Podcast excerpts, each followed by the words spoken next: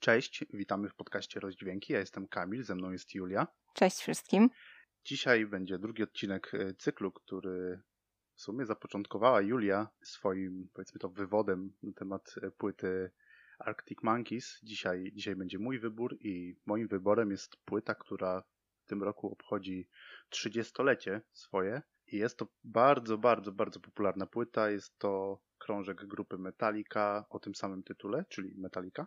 Nazwana również Black Albumem, o czym opowiem dość obszerniej później. E, no i, i dlaczego ja tą płytę wybrałem?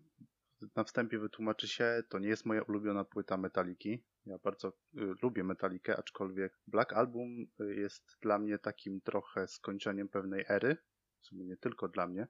Moim ulubionym krążkiem Metaliki jest ich drugi album, podobnie jak, jak Julia lubi drugi album Arctic Monkeys, ja bardzo lubię drugi album Metaliki. To był album Ride the Lightning. Ale podobnie jak ulubiony zespół Julii, y, najważniejszym krążkiem, chyba najbardziej popularnym, jest krążek piąty, czyli w przypadku Arctic Monkeys jest to AM, w przypadku Metaliki jest to Black Album, y, ponieważ cała jego okładka jest y, czarna po prostu.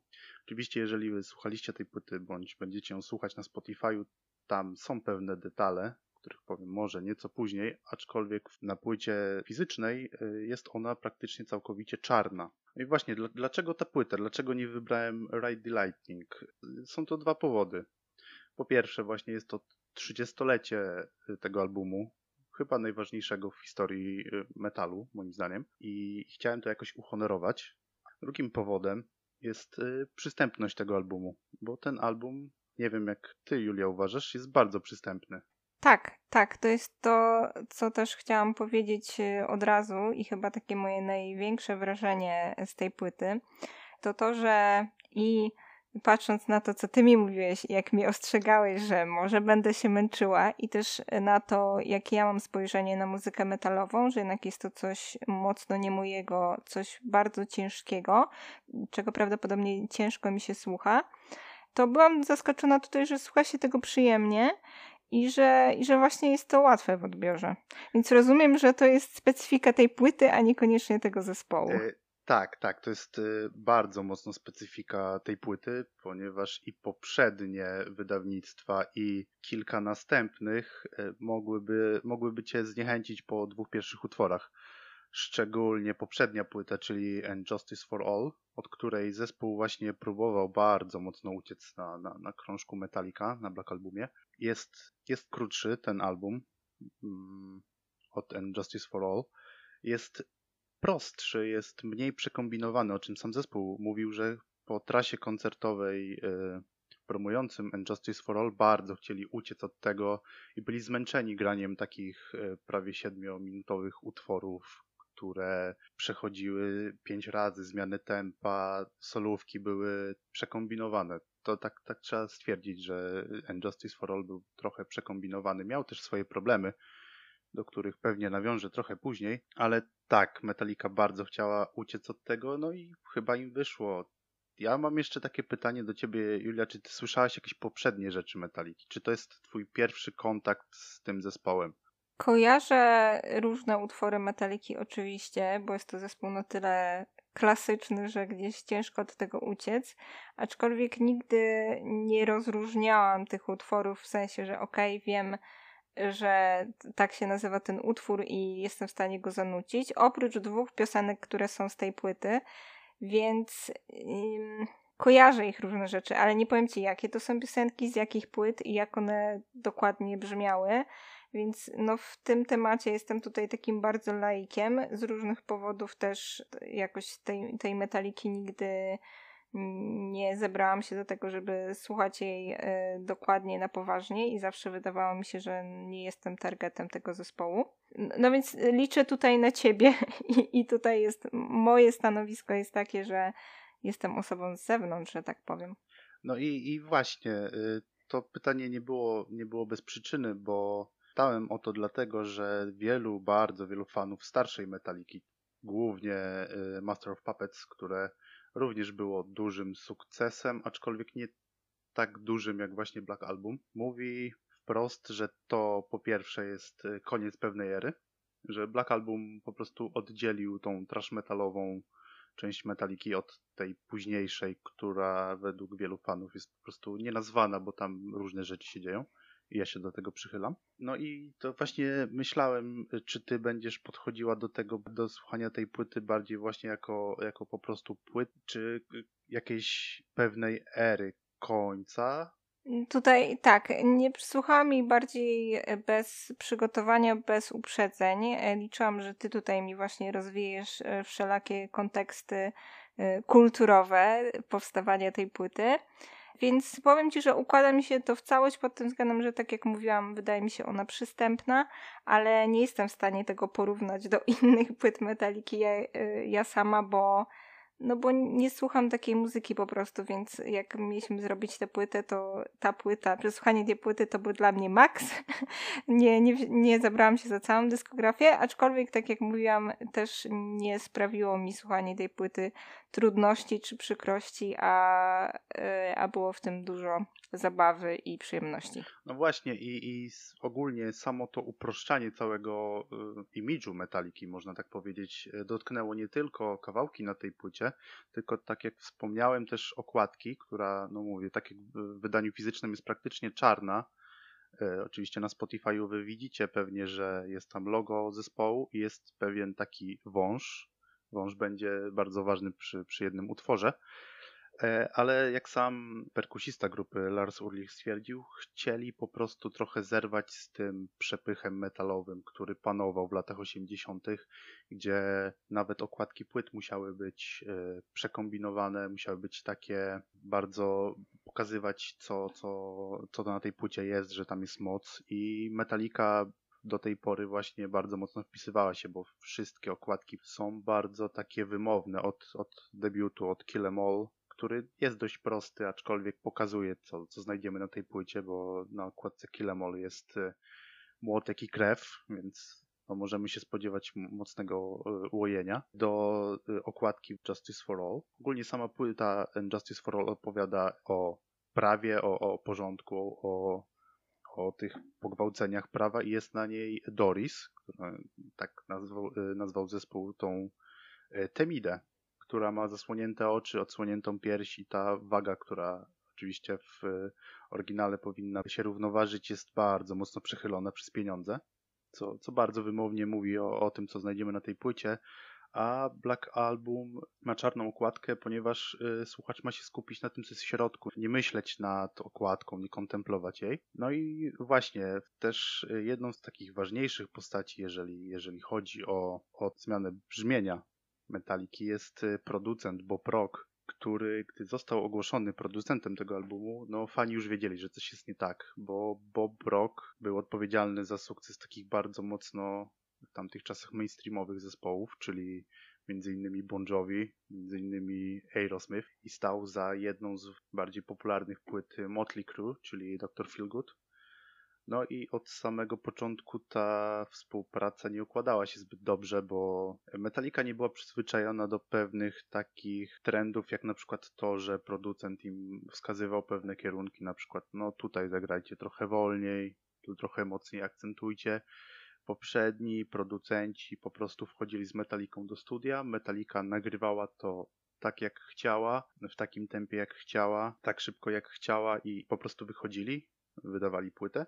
A tutaj ten, ten Bob Rock bardzo, bardzo mocno wpływał na, na brzmienie, co okazało się komercyjnym strzałem w dziesiątkę, ale no fanom to się nie podobało i chociaż właśnie fani kręcili nosem, to Metallica przez trzy następne płyty z Bobem Rockiem współpracowała do bardzo, bardzo tutaj mm, przez fanów nienawidzonym, można tak szczerze powiedzieć, albumie Sentenger, który no moim zdaniem też jest straszny, jest moim zdaniem chyba nawet ach słuchalny, ciężko się go słucha, więc jeżeli wybrałbym tą płytę Julia, to na pewno byś się męczyła bardzo mocno, bo tam. Wierzę. Tam piosenki są długie. Piosenki są długie jak na poprzednich y, płytach Metaliki, ale one raz, że są pozbawione jakichkolwiek zmian tempa, więc przez 6 minut słuchasz praktycznie cały czas jednego motywu. Z całej płyty zostały wywalone solówki.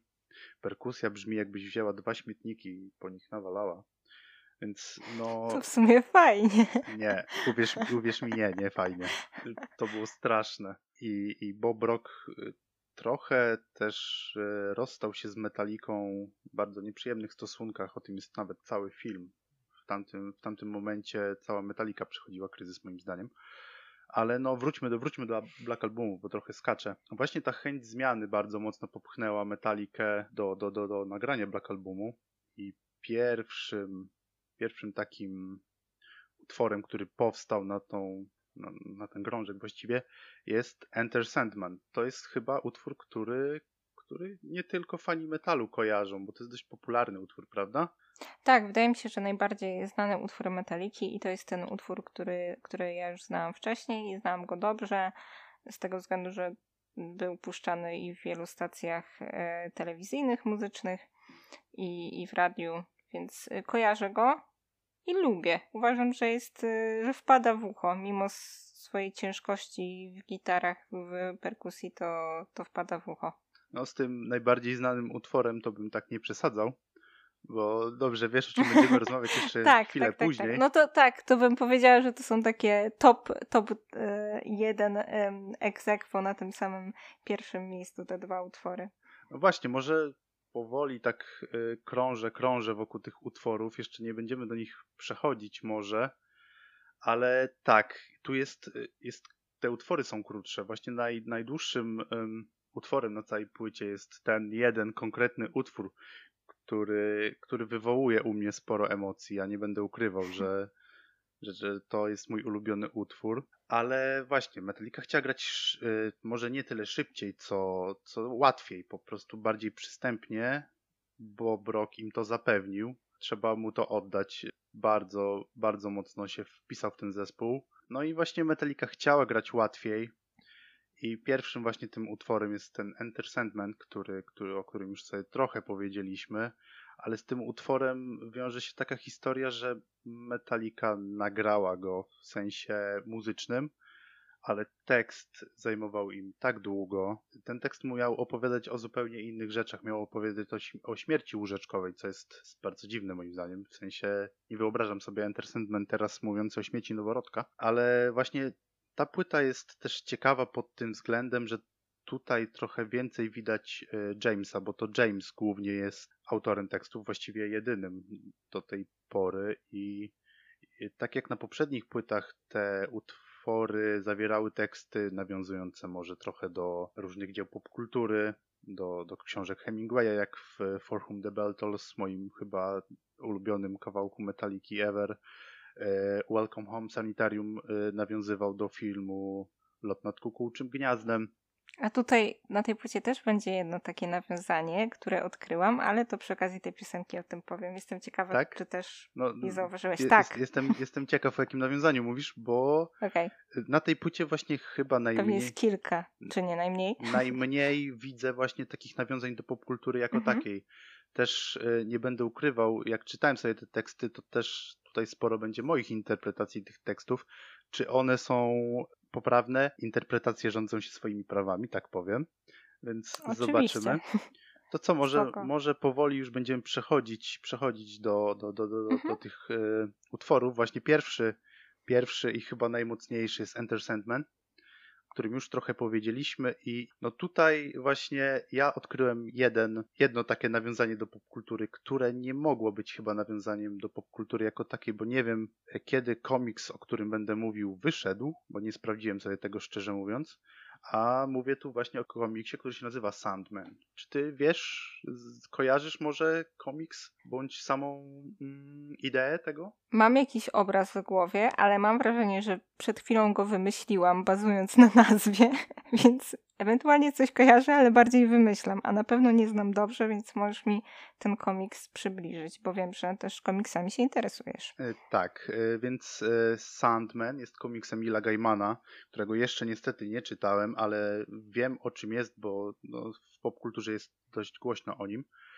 Sandman w tym komiksie jest władcą krainy snu, który został pojmany. I tutaj właśnie ładnie mi się to skleja wszystko z tym utworem, bo ten utwór jest trochę.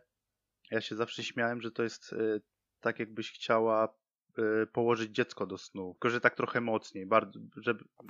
Nie... To tak jakieś koszmary raczej tak, później. Tak, i właśnie tutaj ten Sandman mi się ładnie, ładnie skleja z tym tekstem, bo tam jest właśnie Say your praise little one, czyli no takie tak, tak. po prostu kładzenie dziecka do snu, paciorek, siusiu i spać, jak to czasem moja babcia zwykła mówić i to w tym utworze jest, e, jest bardzo prominentne, że tam nie ma żadnych nie ma żadnych e, potworów w twojej szafie, one są w twojej głowie, więc tam uważaj.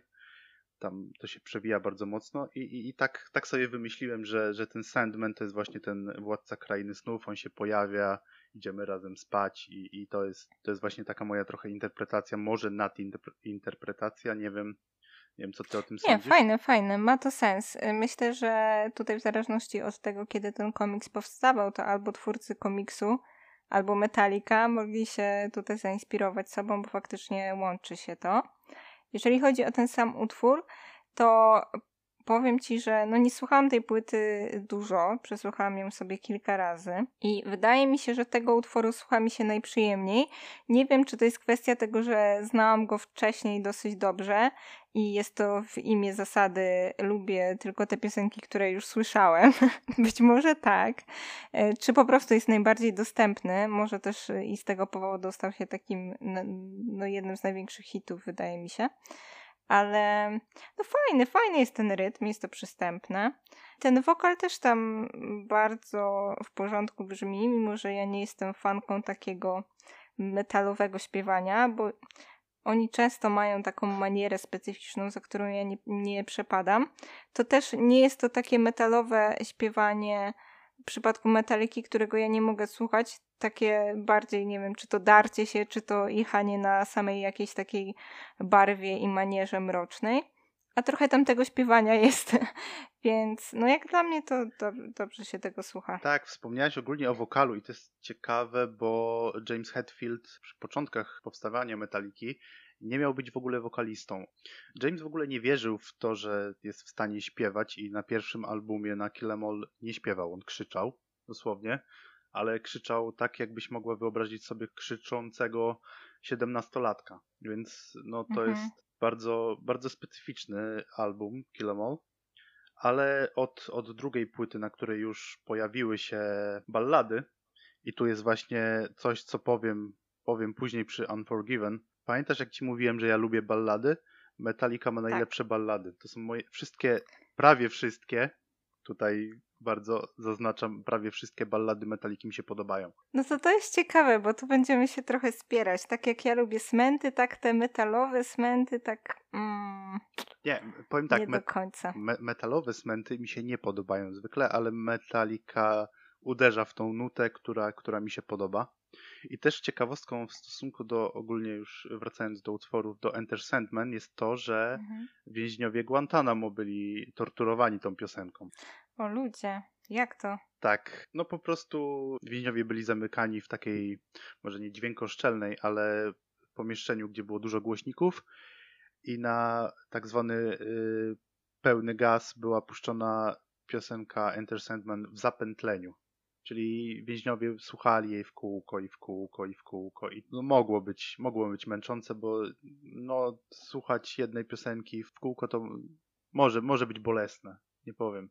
Na pewno. I też y, przeczytałem sobie całkiem niedawno, nie wiedziałem o tym, bębny do tej, do tej piosenki były nagrywane aż 50 razy. I tutaj właśnie wychodzi ten, może nie geniusz, bo Lars Urlich według mnie jest bardzo słabym perkusistą, Uuu, Wy... wydaje mi się, że odważne słowa. Właśnie, wiesz co, cała, cała społeczność Metaliki po prostu wie, jakim perkusistą jest Lars Ulrich.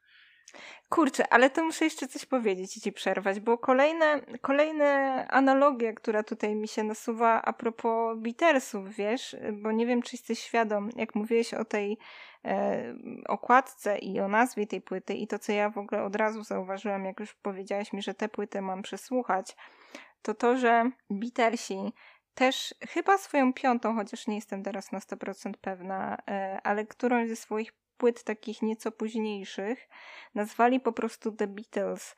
I y, jest tam zupełnie biała okładka i takie bardzo delikatne logo The Beatles i mówi się na to White Album, Tak, więc tak, bardzo mi się to kojarzy z tym, no właśnie.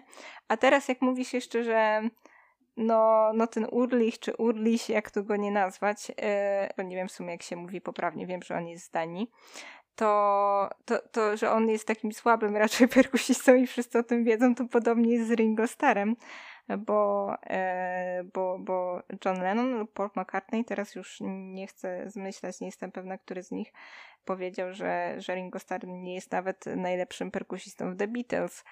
Więc, więc śmiesznie, bo taka kol- kolejna analogia do tego zespołu, a zespoły mimo, że różne, to oba bardzo klasyczne. Tak, tak, jeszcze chciałem powiedzieć o tym właśnie, że, że to nie chodziło o to, że Lars jest takim perfekcjonistą, po prostu właśnie on nie umie grać na bębnach, moim zdaniem.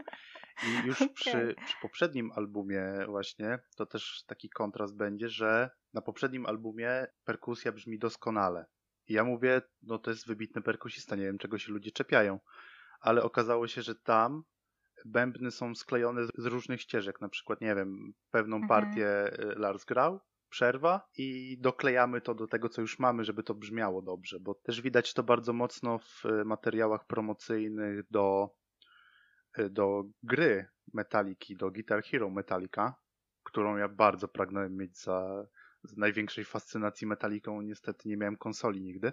Tam widać właśnie jak e, muzycy, oczywiście w tym full tak zwanym mock-upie, który miał odzorowywać ich ruchy, widać, e, że Lars nawet nie umie grać swoich utworów. Właśnie głównie z tej płyty And Justice for All, bo tam są te bębny najtrudniejsze, widać, że on się gubi, że nawet reszta go poprawia, jak ma grać na, na, na bębnach, na swoim instrumencie.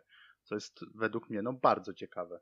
Tak, ale zaskoczyłeś mnie, wiesz, bo ja za to słyszałam gdzieś tam opinie wcześniej wśród moich metalowych znajomych, że tak powiem, że nie, no że to taki super perkusista.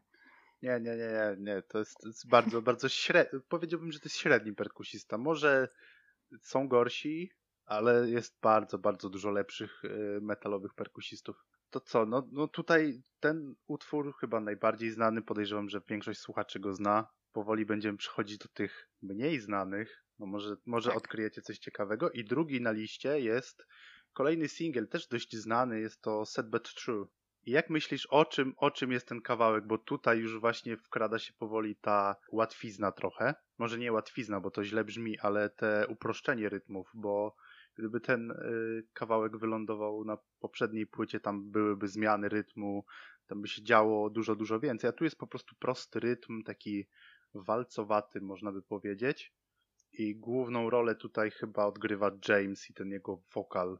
I jak myślisz w ogóle o, o czym może być ten utwór? Bo ja mam pewną teorię, której sam zespół w ogóle nie potwierdził, więc, to już są takie moje Mhm. trochę, trochę e, rozkminy na temat tego utworu. Jak myślisz, o czym w ogóle on jest? Mm, Powiem ci tak, nie przysłuchiwałam się tekstowi, ani tych tekstów sobie nie czytałam. Pamiętam faktycznie dobrze ten, ten refren, bo on jest taki charakterystyczny, gdzie, gdzie jest powtarzany ten tytuł. Pamiętam tytuł w ogóle jeszcze sprzed lat i w sumie to trochę inaczej on mi się kojarzy, mimo że chyba nie słyszałam wtedy tej piosenki, ale słyszałam o niej, że tak powiem. Gdybym miała strzelać po samym tytule, y, o czym on jest, no to nie wiem, o jakiejś niesprawiedliwości życia. Ciekawe, ale sam tekst, moim zdaniem przynajmniej, mówi o takim powolnym zatracaniu się w narkotykach. Zespół już miał jedną piosenkę o narkotykach, była to tytułowa piosenka z albumu Master of Puppets. I tutaj też mam takie, takie pewne flashbacki z tej piosenki, bo tutaj mamy właśnie e, jesteś moim kozłem ofiarnym, jestem twoim życiem. Tak jakby Mhm. narkotyk No zwracał tak, też. się Ty... zwracał się do człowieka, że teraz ja tu rządzę słuchasz mnie, jest to smutne, ale prawdziwe. No tak wygląda teraz twoje życie powoli, jak się uzależniasz. No tak, to też taki temat dosyć klasyczny, narkotyki przewijające się przez wiele piosenek. Właśnie, właśnie ogólnie. nie, właśnie nie w, w przypadku Metaliki, bo Mhm. o ile jest dość e, powszechnie znany fakt, że no, Metallica lubiła sobie, że tak powiem, wypić w pewnych kręgach e, i w pewnym okresie była nazywana nawet alkoholiką, nie metaliką, bo jak zespół wyszedł trzeźwy na, na, na koncert, to już było, już było coś, e, ale jeden z bardziej znanych gitarzystów, który rozpoczynał w Metallice, czyli Dave Mustaine, bądź Mustaine, to teraz nie wiem jak, jak się czyta jego nazwisko, czyli wokalista i gitarzysta Megadeth, czyli też jednego z takich ważniejszych metalowych bandów. No bardzo dużo jak grał w metalice i właściwie za to został wywalony, y, nadużywał tych narkotyków i głównie, głównie kokainy. I być może to też było takim trochę motorem napędowym tej piosenki, chociaż szczerze trochę w to wątpię, bo od, od Killemall minęło kilka lat, więc podejrzewam, że, że, że już y, zespół się trochę pogodził z tym, że Mustina tam nie ma. Ale takie jest, takie jest moje, że tak powiem, interpretacja możecie pisać w komentarzach, że się nie znam, możecie pisać mi na priv, że, że, że powinienem tego przysłuchać trochę, trochę bardziej, albo o czym według was jest ten utwór, bo, bo może Dobra, macie... to, to ja ci tak napiszę na priv. Dobra, dobra. y no i, no i co? Ty chyba Set But True jest zakończone. Jest to bardzo, bardzo mocny utwór. Jest, ten rytm jest taki. To jest takie właśnie taki typowy kawałek do, do bujania głową, moim zdaniem. Tak, tak, zgodzę się. Gdzieś tam ten rytm jest taki ciężki, ale wciągający, charakterystyczny. I też jak tutaj słuchałam tej płyty głównie podczas y, sprzątania i gotowania, to było tutaj machane głową przy okazji. I chyba o to, o to głównie chodziło na tej płycie, żeby sobie pomachać głową. Też mi się tak wydaje. No i, Więc cel tutaj jest osiągnięty. I, I co? Trzeci utwór. Holier Than Now? Nie wiem, jak, nie wiem jak to się czyta. Wiem co to znaczy. To jest idiom chyba w polskim. Ciężko by było przełożyć to tak jeden do jeden. To znaczy świętszy niż święty. To jest, to jest chyba mój ulubiony utwór na całej płycie. Jest, jest bardzo. to, to, powiem ci tak, to dobrze się składa, bo ja kompletnie go nie pamiętam. Jest właśnie bardzo szybki. Właśnie chyba dlatego jest zupełnie inny niż dwa poprzednie, bo te dwa poprzednie mają tą swoją taką, może nie szybkość, ale majestatyczność. One są cięższe niż szybsze. A ten jest po prostu szybki, pędzi na złamanie karku. Bas jest tam świetny. O basie trochę więcej pewnie też powiem później on bardzo mocno, tutaj będzie taka fajna analogia y, do piosenki z twojej płyty z poprzedniego odcinka, mianowicie do Brian Storm. Bo jak sam James mówi, inspiracją do napisania tego tekstu była osoba, którą, którą James bądź cały zespół spotkał na backstage'u i bardzo, bardzo dużo, można by powiedzieć, plotkował, obrabiał innym, że tak powiem, dupę. No właśnie o takim Mm, o takim człowieku, który widzi w innych bardzo, bardzo dużo problemów, a nie widzi tego, że to u niego często te problemy się pojawiają, że on jest czasem nawet tym problemem i tam jest nawet y, tak dosłownie powiedziane, zanim spojrzysz na mnie, spójrz na siebie i to, to mi się bardzo podoba, bo, mhm. bo dużo, dużo ludzi można spotkać, którzy wiedzą, co jest dla ciebie dobre, może nawet cię nie znając, łatwiej im kierować twoim życiem niż swoim własnym. To też jest bardzo właśnie i tekst mi się podoba i muzycznie mi to siedzi, no świetny utwór. Tak, ja go nie pamiętam, ale wszystkie te utwory takie szybsze bardziej raczej mi się podobały i, i to, że go nie pamiętam nie oznacza, że, że mi się nie spodobał, bo przyznam, że też tak jak ty w przypadku Małpek, dosyć zlewają mi się te utwory w jedno. Kilka bardziej rozróżniam, które gdzieś są bardziej charakterystyczne, ale jednak wiele z nich mi się gdzieś tak w miarę jeszcze zlewa, też pewnie z tego względu, że nie słuchałam tej płyty wiele razy. Ale to takie łojenie ich i te tempo, to, to jest fajne. Właśnie gorzej mi się odbiera te, te takie wolniejsze utwory raczej. A, a akurat przechodzimy chyba do wolniejszego, pierwszego wolniejszego utworu tak. tutaj. Tak. I tu mam takie bardzo ambiwalentne uczucia, bo z jednej strony mi się nie podoba, a z drugiej mi się podoba. Pewne elementy mi się bardzo podobają, a pewne mnie irytują. No i tutaj, tutaj musisz uważać, bo to oczywiście mówimy o, o kawałku The Unforgiven. Tak. Czyli ja tu mam nawet w notatkach napisane ta lepsza ballada grupy z tej płyty. O, więc, o Jezu, tak, no, ale to się zgodzę z tobą. Więc y, tak, y, co ci się w niej tak naprawdę nie podoba? Bo mnie to ciekawi na przykład. Mhm, tak, wiesz co, y, nie podoba mi się wstęp i nie podoba mi się, niektóre te gitary mi się tam nie podobają. Mm, to, to na przykład ta gitara ze wstępu, z tej pierwszej części, robi taki klimat właśnie takich czy to metalowych, czy rockowych, ciężko mi tutaj y, gatunek dokładnie wyłowić. Takich ballad, które są takie ciężkie, ale jakieś takie pompatyczne.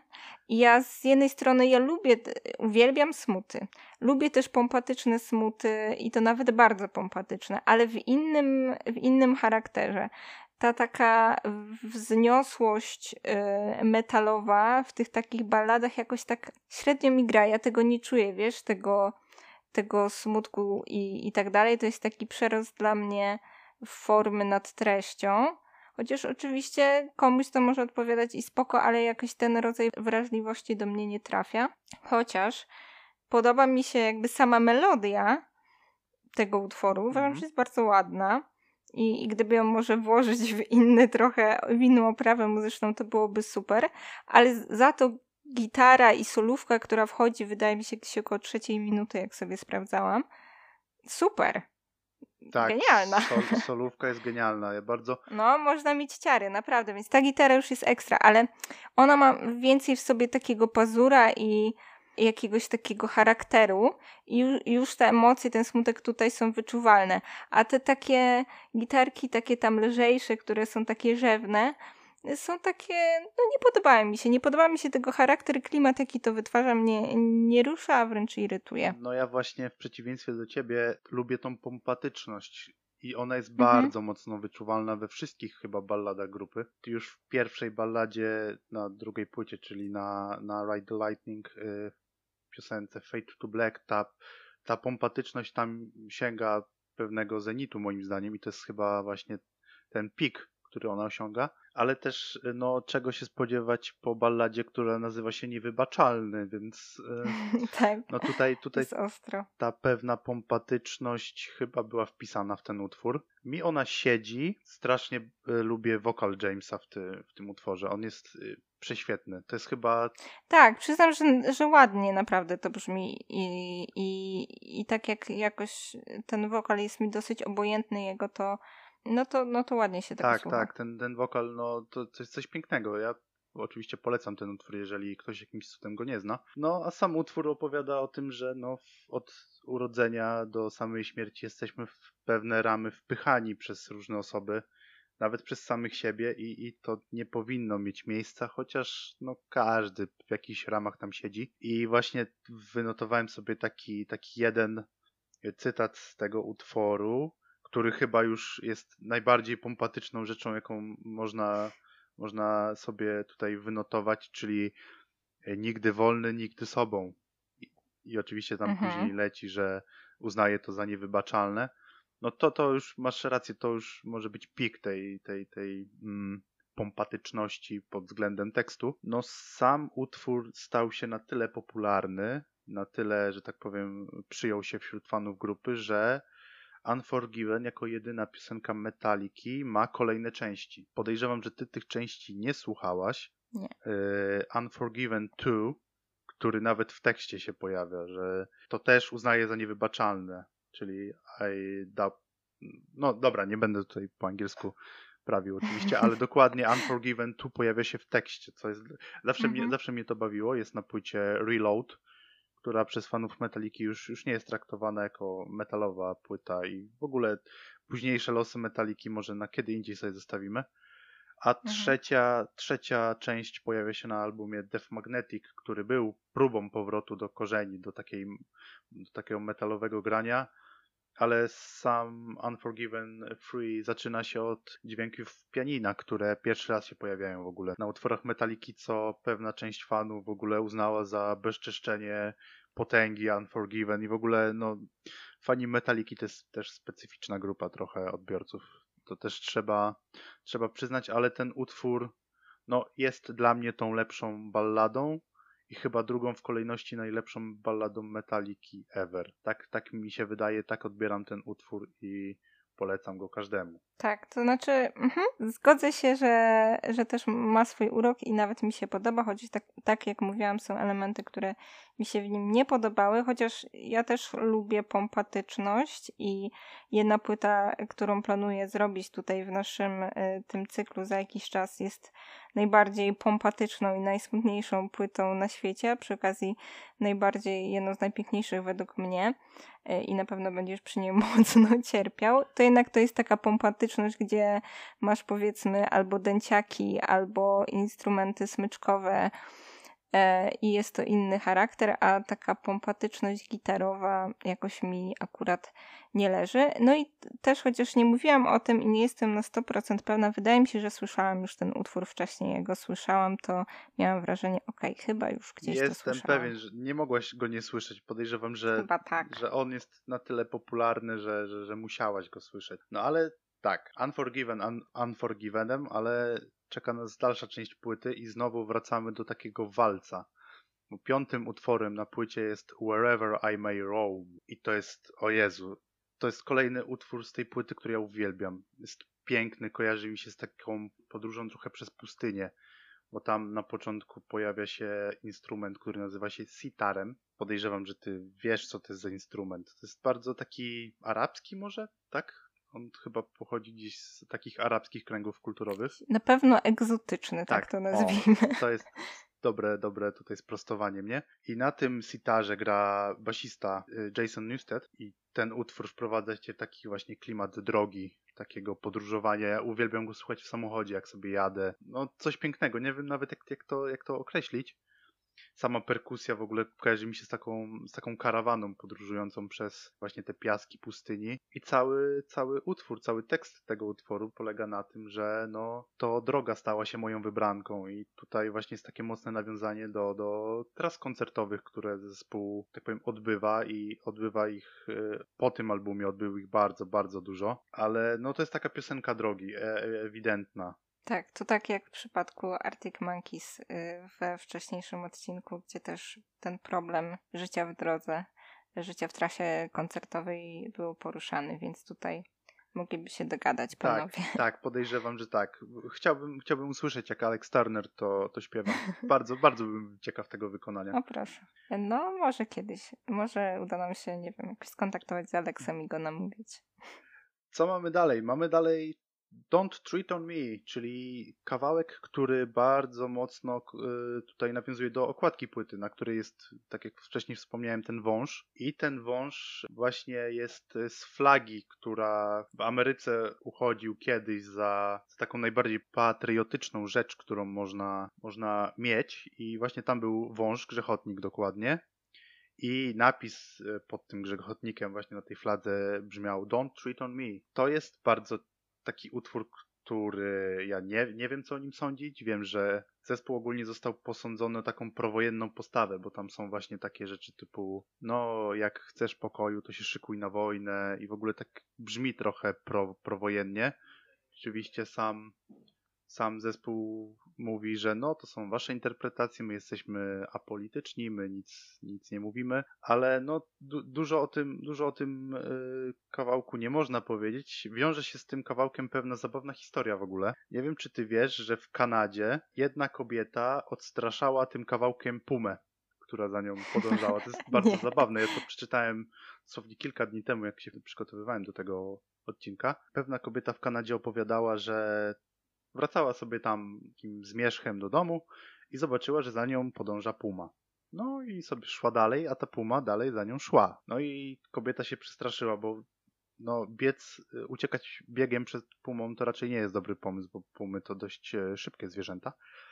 No i wyciągnęła telefon i na swoim iTunesie znalazła, szukała jak najostrzejszego kawałka i znalazła Don't Treat On Me.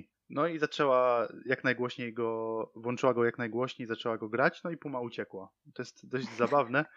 I po tym wydarzeniu, po tym jak e, ta kobieta tam opowiedziała o swoim wydarzeniu, bo oczywiście gazety to podchwyciły, bo to jest dość zabawne, ten utwór e, na YouTubie zyskał ponad 1500% więcej odsłuchań, bo to nie jest dość, e, nie jest popularny utwór z tej płyty, no nie czarujmy się, mało ludzi go słucha, też zespół na koncertach dość rzadko go wykonuję, ale to jest taka właśnie zabawna historia, która, która mi się tutaj nasunęła do tego utworu. Mhm. No to tak, nie, o Pumie nie słyszałam, ale za to to jest ten utwór, w którym wy, udało mi się wysłyszeć od razu nawiązanie do popkultury, o czym wspomniałam wcześniej i, i ma to sens, bo we wstępie do tego utworu jest taka charakterystyczna e, melodia, która jest motywem z piosenki America e, z musicalu West Side Story i z filmu West Side Story.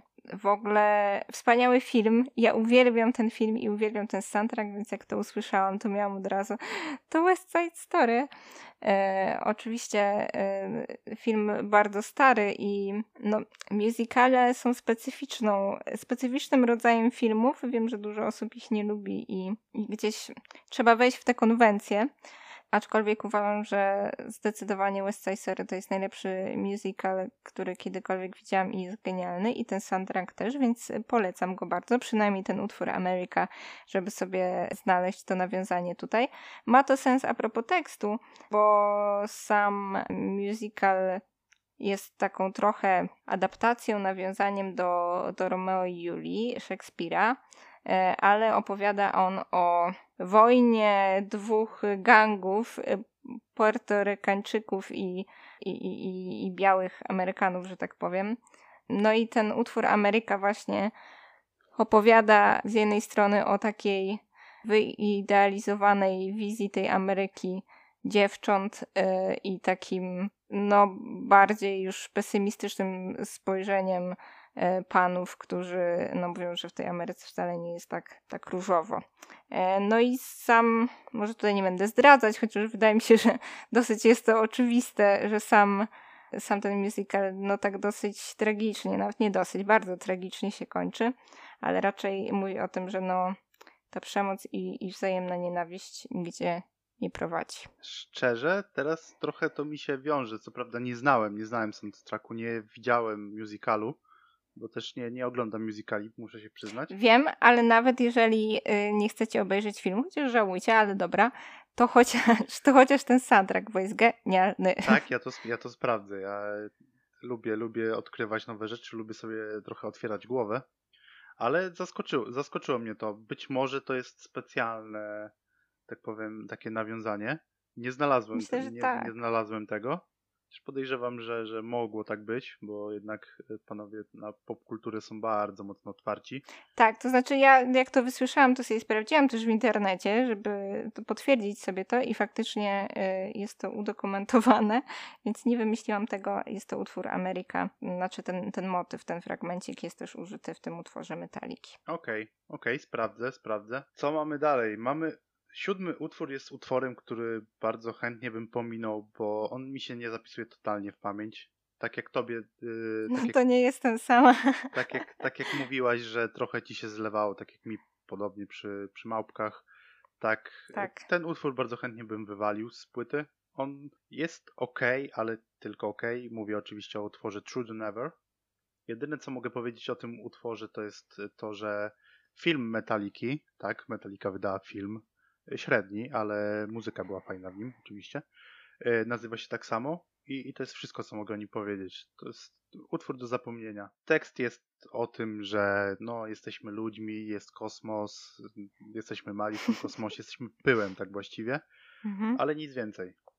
Nic ciekawego. Podejrzewam, że ósmy utwór bardziej niektórych ciekawi i to będzie dla mnie bardzo bolesny temat i dla wielu fanów Metaliki równie bolesny, bo mianowicie mówię to o Nothing Else Matters, czyli no nie oszukujmy się, to jest chyba utwór, który rozsławił Metallicę na cały świat, moim zdaniem. Mm, tak jak mm, ten, tak. ten album też oczywiście pewne utwory tak e, Nothing Else Matters przylgło do, do, do, do Metaliki bardzo, bardzo mocno. Tak, mi się głównie kojarzy z tym, że większość początkujących gitarzystów, w tym ja w gimnazjum, grało ten utwór na gitarze. Jakoś wydaje mi się, że jest to też tak y, spopularyzowane w tym kontekście, że jak ktoś zaczyna grać na gitarze, to musi być to Nothing, nothing Else Matters. I nawet ja to mam na, na swoim koncie, ale no nie lubię tego utworu. Tutaj za to jest też ta taka wzniosłość, ale to taka gitarka właśnie, która mi się nie podoba i ten klimat mi się nie podoba i przynudza według tu mnie. się zgodzę. Przepraszam bardzo. Ale tu się zgodzę w pełni. No to możemy piąteczkę przybić. No, wielu fanów Metaliki twierdzi i chyba uważa, że to jest ten moment, w którym Metalika się sprzedała. To jest zabawne, sprzedała się, no, robi się muzykę po to, żeby, żeby ona się sprzedawała, żeby była popularna, żeby muzycy mieli z tego pieniądze tak działa świat. Ale rzeczywiście Nothing Else Matters, co ciekawe, w ogóle miał nie trafić na tą płytę. I chyba lepiej by było, jakby on nie trafił, bo sam właśnie ten utwór jest łatwy, szczególnie to intro, które, tak jak mówiłaś, zagrałaś. Ja też zagrałem. Podejrzewam, że moja, że moja siedmioletnia siostra by to zagrała, bo to jest tak proste. Tak, też tak myślę.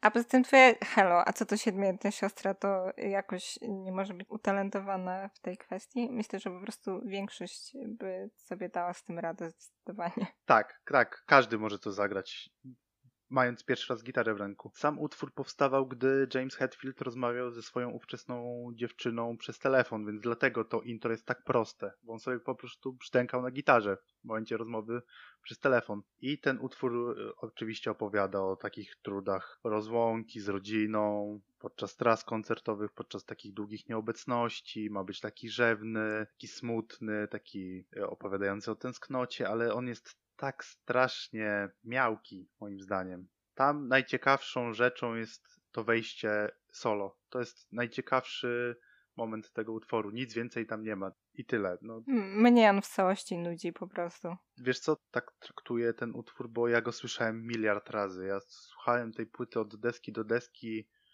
sporo razy i to to może być ten, ten moment, w którym którym już to jest jedyny utwór na płycie, który ja pomijam. Nawet ten mhm. True the Never sobie słucham, ale Nothing Else Matters musi, musi minąć, bo tutaj nic ciekawego nie, ma, mhm. nie ma do powiedzenia. Mhm. To może przejdźmy dalej, bo tak. o Nothing Else Matters chyba wszyscy powiedzieli już wszystko i nie ma, nie ma co tutaj tak. nawet dodawać.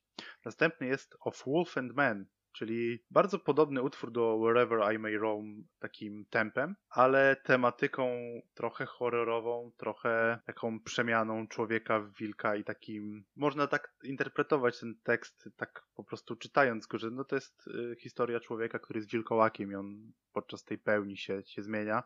Oczywiście Metallica miała podobne utwory już w swojej karierze. Głównie nawiązuje tu do, do kolejnego utworu z Master of Puppets, czyli od Battery, który też opowiadał o takiej chęci, chęci mordu trochę, takiej niepowstrzymanej sile w człowieku, która, która bardzo mocno tutaj e, przejmuje nad człowiekiem kontrolę i sprowadza go do takiego zwierzęcia.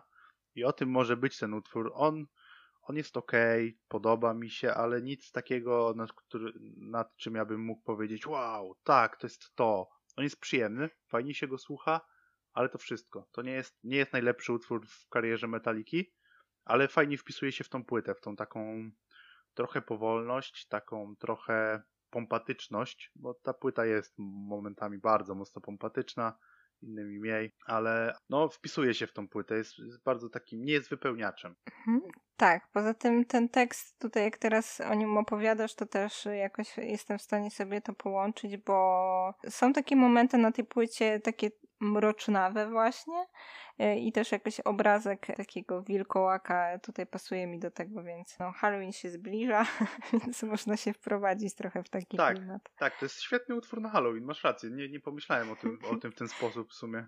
Zamknąłbym temat tej, te, tego utworu i chyba teraz będzie naj, najlepszy utwór na tej płycie moim zdaniem, najbardziej osobisty. Mówię tutaj o The God That Fail. Czy ty tam słyszysz na początku coś ciekawego?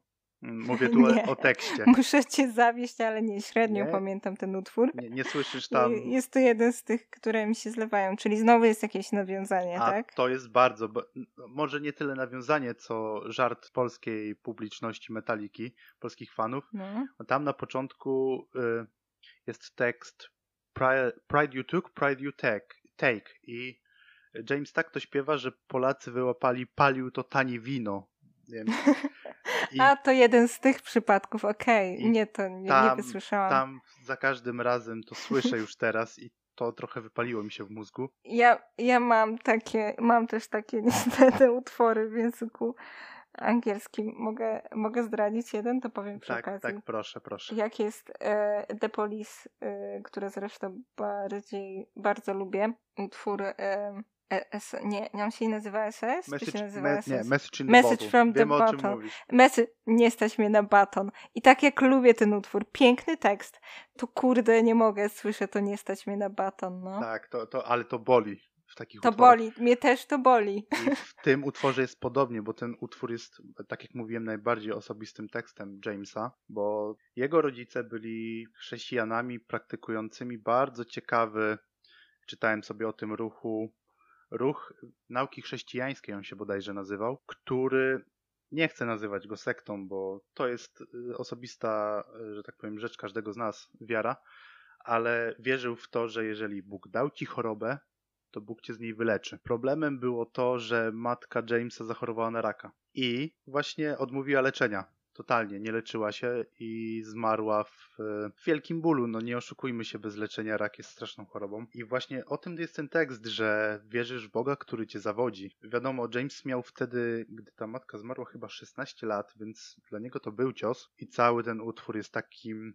trochę wyrzutem do Boga, takim bardzo, bardzo, bardzo mocnym. Tam jest właśnie tekst kojąca dłoń zatrzymuje wbijany gwóźdź. To jest no, bardzo mocno tutaj chyba wprost powiedziano, o jakiego Boga chodzi. O naszego, że tak powiem, Boga. Ale no, sam James mówi, że po tylu latach on nadal, może nie tyle ma problemy z wykonywaniem tego utworu, bo te rany jakoś tam się bliźnią, ale czuje ten, ten utwór go przenosi w trochę inny stan świadomości, tak jak on sam stwierdził, że w pewnych momentach jest mu ciężko wykonywać ten utwór, a w pewnych po prostu on pozwala temu utworowi przenieść go w ten konkretny moment jego życia i, i, to jest właśnie najbardziej mi się podoba, że tutaj James chyba leci z najwięcej właśnie zostawia siebie w, w kawałku chyba w całej historii Metaliki. Mhm, to przesłucham go jeszcze raz w takim razie na pewno, bo, bo nie, nie przysłuchiwałam się temu tekstowi, nie wiedziałam o czym jest, ale bardzo ciekawe, bardzo trudne, ciężkie tematy, też bliskie mi dosyć przyznam, więc no zainteresowałaś mnie. Posłucham jeszcze raz, bo, bo jestem ciekawa. Takie rzeczy ruszają mnie też. I, i sam bas na początku jest świetny. Bas, tutaj o, o wątku basisty Metaliki, y, będącym na tej płycie, o Jasonie Newstadzie, też, też warto coś powiedzieć, bo to nie jest pierwszy basista Metaliki. Metallica miała dwóch basistów prędzej, z czego chyba uważanego za najlepszego basistę w historii w ogóle mm, Cliffa Bartona, który zginął w wypadku samo, właściwie nie samochodowym, wypadku autokarowym na trasie koncertowej y, promującej trzeci krążek, czyli Master of Puppets. Historia jest o tyle ciekawa, że panowie jadąc y, autokarem grali w karty o to, którą, które łóżko mają zająć na, na, w autokarze, bo łóżko, które zajął właśnie basista, było najwygodniejsze, w najlep najlepszym miejscu położone, było najcichsze, tam było najciszej i w ogóle.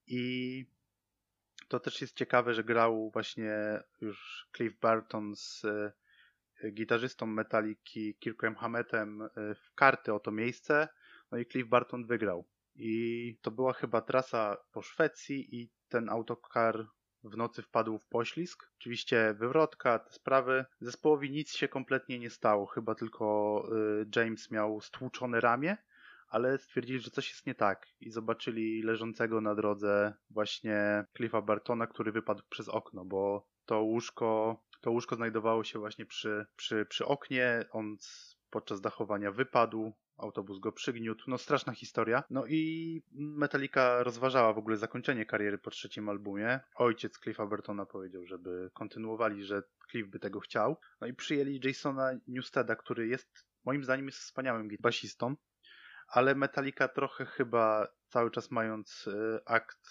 no może nie wiem, żałoby jakiejkolwiek, no ten Newsted nie miał łatwego życia w tej metalice. Trochę można powiedzieć, że zespół się na nim wyżywał na poprzednim albumie, na Justice for All, Metallica w ogóle wyciszyła bas. Tam w ogóle nie ma basu, jak przysłuchasz sobie ten album i znajdziesz bas, to ja bardzo chętnie usłyszę o tym basie, bo jego tam nie ma w ogóle, totalnie. Jason nie miał łatwego życia, a tutaj chyba powoli zespół zaczął mu rekompensować to, co, to co, to, co mu zabrał, bo na tym albumie moim zdaniem basu jest bardzo dużo i on gra taką prominentną rolę. Tak, to tutaj się zgodzę z tobą, bo też zwróciłam uwagę na ten bas, akurat nie, nie w tym utworze, tylko gdzieś tam e, we wcześniejszych fragmentach tej płyty, chociaż nie powiem ci dokładnie w których, ale też e, były takie momenty, że Pewnie w Wherever I May Roam, bo, bo tam ten możliwe. bas jest bardzo też mocny. Mhm. Tak, nie, też zwróciłam uwagę, że, że takie i, i ciekawe, i fajne momenty tego basu tam jak najbardziej są. No i właśnie basowy, basowy utwór y, My Friends of Misery, kolejny utwór, który właśnie też zaczyna się od jakiegoś takiego motywu na basie. On ciekawe jest to, że ten utwór miał być w całości instrumentalny, bo na poprzednich płytach Metaliki zawsze znajdował się jakiś y, instrumentalny utwór. I tutaj mam wrażenie, że też y, zespół zrobił trochę Newstadowi na złość i James stwierdził, no tak jakoś mi się napisało. No co z tego, że na tym utworze jest bardzo dużo basu i go słychać tam bardzo mocno. E, Ale no tak jakoś mi się napisało, co, co mi zrobisz. Ja widzę to, że James z Larsem trochę traktują ten e, zespół cały jako swój. Jako oni dwaj i nikt Mhm. więcej. Widać to w różnych etapach e, życia tego zespołu. Ale no, tekst jest. My Friends of Misery ma średni tekst moim zdaniem, w sensie trochę tak jakby tym tekstem mówił właśnie do tego basisty, że no i co, no jestem twoim przyjacielem w nieszczęściu, ale to ja jestem tutaj panem Metallica trochę i, Mhm. i, i, i i ja, ja może trochę to sobie nadinterpretuję, ale tam jest, jest ten takie przyczek w, zno, w nos odnośnie tego odnośnie tego basisty i jest też ciekawa, ciekawy fakt, że na tekście w książeczce do, do tego albumu, właśnie w, w, przy My Friends of Misery, jest literówka i ta literówka brzmi You just stood there screaming, a miało być oczywiście screaming, bo raczej screaming Mhm. nie pasuje do metalu. I James na to zwrócił uwagę, mówi, halo, zmieniamy to, bo tu jest literówka. Y, Panowie, tam jacyś producenci zapewnili go, dobra, pierwszy nakład jest mały, ale w drugim już, już zmienimy, już wszystko będzie ok. I ja mam ten album, już pewnie któreś, któreś wydanie i ta literówka nadal tam jest po 30 latach. To Okej. jest bardzo zabawne. Mnie to bawi po prostu tak jakby, dobra, James, y, poprawimy, jo, nara. Dobra, dobra, poprawnie. No, i, i to jest, ale to jest wszystko, co można o tym utworze powiedzieć. Jest przyjemny, ale wydaje mi się, że byłby przyjemniejszy, gdyby to był naprawdę instrumentalny, instrumentalny kawałek. No ja tak średnio go pamiętam. Nie dziwię ci się. Moje, mój główny komentarz do, do tej płyty tak średnio go pamiętam. Znaczy, tak jak mówiłam, dosyć, dosyć jako jedno traktuję te piosenki i dosyć mi się one zlewają, oprócz tych kilku, o których też już wspominaliśmy. No i co? I zamykamy tą płytę w końcu. 12 utworów. Y, ostatni The Struggle Within. Jedyne co mam tutaj w notatkach na temat tego utworu, to że on mógłby y, znaleźć się na poprzednich płytach, szczególnie na Master of Puppets, bo jest taki najbardziej chyba starometalikowy, taki najbardziej Mm. trashowy, Mhm. ale sam nawet zespół mówił, że z pisaniem tego kawałka mieli sporo problemów, co też mi się wydaje widać. Ten tekst wydaje mi się napisany trochę na szybko, Mhm. bo tam ni- nic mi się nie klei w tym utworze. Mhm. Niby tekst jest o walce z samym sobą, ale o jakiej walce, w związku z czym nie wiem. To jest kolejny utwór, który ja bym wywalił trochę z tej płyty. Wtedy miałbym chyba album kompletny, moim zdaniem. Ale no niewiele mam opowiedzieć. No tak, tym bardziej, że- że jest on jednak dosyć długi, 12 utworów to dosyć sporo, chociaż tak jak mówiłeś, no może nie długi pod tym względem, że te utwory nie są długie, tak jak wcześniej miała to w zwyczaju Metallica, aczkolwiek 12 utworów to dosyć dużo, spokojnie mogliby za dwa jakieś wyrzucić, Tak, tak. jak na moje. Nawet im znalazłem dwa, które, które można by wywalić, także Tak więc Jak taka mała to- sugestia, panowie Metallica, może... No i co, no album jest wielki, trasa koncertowa też była bardzo, bardzo długa. W ciągu roku samego Metallica zagrała na tej trasie 224 koncerty. To jest naprawdę ogromna liczba koncertów. Nie wiem, może, jakaś, może jakiś zespół grał więcej, może grał 300. Podejrzewam, że jest taka możliwość, ale to jest naprawdę, naprawdę sporo, sporo tych koncertów. No i też podczas tej trasy samej koncertowej James Hetfield doznał y, poparzeń trzeciego stopnia. Podczas grania pewnego utworu, chyba to był utwór Fade to Black, stanął chyba zbyt blisko pirotechniki i gdy ta pirotechnika wystrzeliła, doznał poparzeń właśnie trzeciego stopnia twarzy, ręki i nogi i było też powiedziane, że może już więcej nie zagrać na, na gitarze. Tutaj właśnie mm, objawia się też trasę, tą, ten fragment trasy koncertowej Metallica grała z pewnym zespołem, który ja też bardzo lubiłem swego czasu, czyli z Guns N' Roses. Ale nie wiem, czy ty kojarzysz, jakim człowiekiem jest Axel, czyli wokalista Guns N' Roses. No nie jest najprzyjemniejszym, tak, tak uogólniając. E, gdy technicy poprosili, poprosili w ogóle zespół e, i Axla głównie, że no słuchajcie, jest taka sytuacja, wyjdźcie, zagrajcie coś, żeby ci ludzie się uspokoili. Axel powiedział, że nie, wiecie co, trochę mnie gardło boli, Chyba nie zagram. No i to, miał, to było bardzo brzemienne w skutkach, rozpętały się zamieszki. Trzy osoby bodajże wtedy zginęły. Jezu. I to jest bardzo, bardzo ciężkie, no ale, ale Axel, tak, wielka gwiazda, jest straszne. Jak o, czym, o tym czytałem, to jest naprawdę ciężkie. No i też bardzo, bardzo też y, takim popularnym koncertem w historii Metaliki jest tej trasy głównie jest koncert w Moskwie w 91 roku, czyli już te okolice, kiedy, kiedy Związek Radziecki powoli chylił się ku upadkowi. Był to koncert na świeżym powietrzu i tam pojawiło się 200 tysięcy ludzi w Moskwie, w środku komunizmu, właściwie nie w środku, ale w upadającym komunizmie. I ten, ten koncert jest bardzo groteskowy, bo jak się go ogląda, to tam widzi się na przykład milicjantów, którzy pałowali, tak dosadnie mówiąc, ludzi bawiących się na tym koncercie. Widać bardzo dużo ludzi z zakrwawionymi twarzami. To jest straszne. Dziwnie się to teraz ogląda, ale no takie były realia wtedy. I to był chyba największy koncert w Rosji do tego czasu. I w ogóle w tej, tej, po tej stronie żelaznej kurtyny. To jest bardzo ciekawe, jaka, jaka Metallica miała wpływ na to wszystko. No i to chyba, to chyba wszystko odnośnie, odnośnie koncertów, odnośnie takich ciekawostek. Też mamy. Byłeś? Na żadnym koncercie Metaliki nigdy nie byłem, niestety. Nie wiem, czy grają jakoś teraz w Polsce. Chciałbym być, bo grają teraz oczywiście cały Black Album od y, końca do początku w odwrotnej kolejności. Chciałbym ich zobaczyć, ale no ich koncerty są bardzo drogie. Są trochę chyba nawet za drogie jak na, na, na, na koncerty jednego zespołu, ale kiedyś, kiedyś mam nadzieję, że, że ich zobaczę. I też tutaj już mówimy o pieniądzach wyszedł remaster. Metallica ma w zwyczaju przy okrągłych rocznicach swoich albumów e, wydawać remastery. I wiesz, ile kosztuje remaster e, Black Albumu, jak i poprzednich albumów? Mhm, ponad, tyś, ponad 1300 zł. Oczywiście on nie zawiera tylko albumu, on zawiera bardzo, bardzo dużo rzeczy, ale 1300 zł no to nie, nie, nie jest mała kwota. Nie pozwoliłbym sobie na coś takiego ale fajnie, że Metallica bardzo szanuje względ, pod względ, tym względem swoich fanów i dodaje bardzo dużo rzeczy, które jakieś albumy, które prędzej, y, ze zdjęciami, które prędzej nie były publikowane, jakieś zapiski w ogóle ze studia. Y, no to są ciekawe rzeczy, ale no nie, nie za 1300 zł. Chociaż y, no kiedyś mam nadzieję, że jak będę miał pieniądze, to sobie pozwolę na taki, taki box set. Może nie tego mhm. albumu, ale któregoś z poprzednich i jestem bardzo ciekaw, jak Metallica rozwiąże remastery tych albumów następnych, które już nie są tak bardzo popularne i tak bardzo szanowane wśród fanów. Czy w ogóle się ukażą i w jakiej formie? Mm, mam nadzieję, że tak. Chciałbym zobaczyć jakieś niepublikowane mm, rzeczy, szczególnie z Santanger, które jest takie straszne. I dlaczego? Mhm. No, zobaczymy, zobaczymy w przyszłości. Też może wątek tego, że wyszedł do tego, konkretnie do tego albumu, żadnego innego albumu nie wyszedł, tak zwany blacklist, czyli e, cover album, gdzie inni, inni muzycy z, e, oddają hołd tym, tym piosenkom. Oczywiście są tam wszystkie, e, muzycy inni sobie wybierali. Oczywiście wiadomo, jaki utwór jest najbardziej prominentny na tej płycie. Jest to Nothing Else Matter.